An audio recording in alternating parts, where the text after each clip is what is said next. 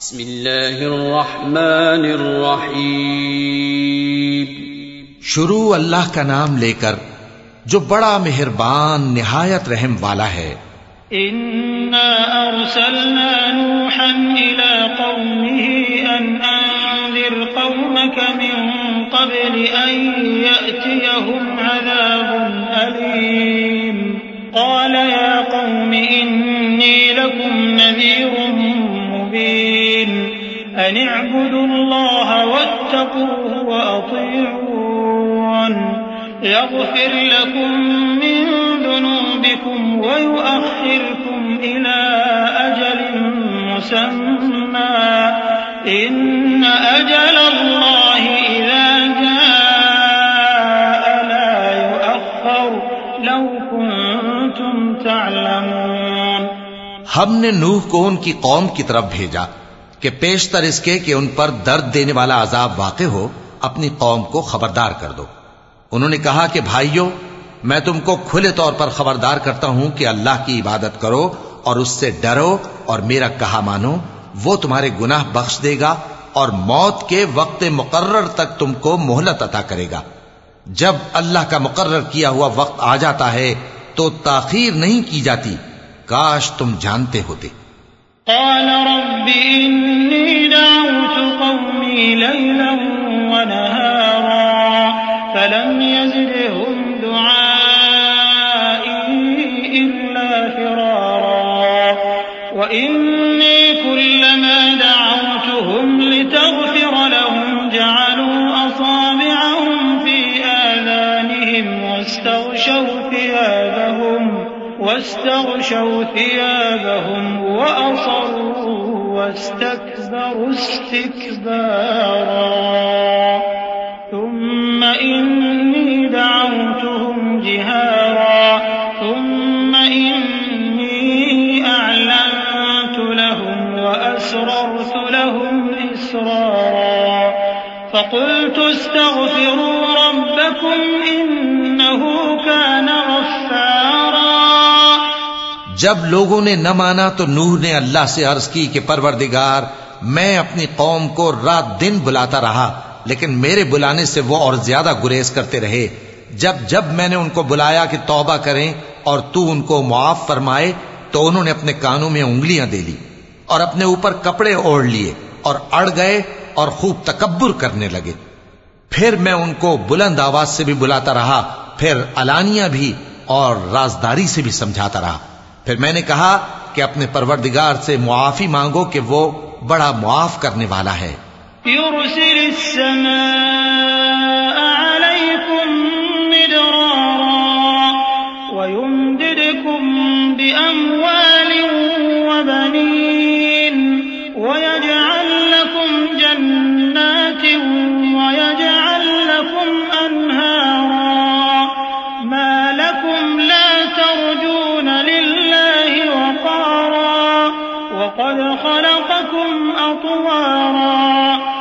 ألم تروا كيف خلق الله سبع سماوات طباقا وجعل القمر فيهن نورا وجعل الشمس سراجا والله أنبتكم من الأرض نباتا ثم يعيدكم فيها ويخرجكم إخراجا والله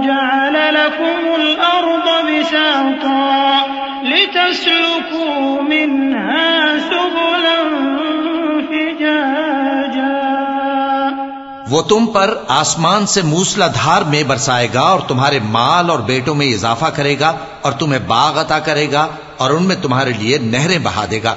تم کو کیا ہوا ہے کہ تم اللہ کی عظمت کا اعتقاد نہیں رکھتے؟ حالانکہ اس نے تم کو طرح طرح کی حالتوں میں پیدا کیا ہے۔ کیا تم نے نہیں دیکھا کہ اللہ نے سات آسمان کیسے اوپر تلے بنائے ہیں؟ اور چاند کو ان میں روشن بنایا ہے اور سورج کو چراغ بنا دیا ہے۔ اور اللہ ہی نے تم کو زمین سے ایک خاص طرح سے پیدا کیا ہے، پھر اسی میں تمہیں وہ لوٹا دے گا اور اسی سے تم کو نکال کھڑا کرے گا۔ اور اللہ ہی نے زمین کو تمہارے لیے فرش بنایا تاکہ اس کے بڑے بڑے کشادہ رستوں میں چلو پھرو۔ قال نوح رب إنهم عصوني واتبعوا من لم يزده ماله وولده إلا خسارا۔ ومكروا مكرا كبارا وقالوا لا تذرن آلهتكم ولا تذرن ودا ولا سواعا ولا يغوث ويعوق ونسرا وقد أضلوا كثيرا ولا تزد الظالمين إلا ضلالا مما خطيئاتهم أغرقوا فأدخلوا نارا فلم يجدوا لهم من دون الله أنصارا آخر میں نوح نے عرض کی کہ میرے پروردگار، یہ لوگ میرے کہنے پر نہیں چلے اور ایسوں کے تابع ہوئے ہیں جن کو ان کے مال اور اولاد نے نقصان کے سوا کچھ فائدہ نہ دیا اور وہ بڑی بڑی چالیں چلے اور کہنے لگے کہ اپنے معبودوں کو ہرگز نہ چھوڑنا اور ود اور سوا اور یغوس اور یعوق اور نصر کو کبھی نہ چھوڑنا۔ اور اے پروردگار، انہوں نے بہت لوگوں کو گمراہ کر دیا ہے، اور تو ان ظالموں کو اور زیادہ گمراہ کر دے۔ آخر وہ اپنے گناہوں کے سبب پہلے غرقاب کر دیے گئے، پھر آگ میں ڈال دیے گئے، تو انہوں نے اللہ کے سوا کسی کو اپنا مددگار نہ پایا۔ وقال نوح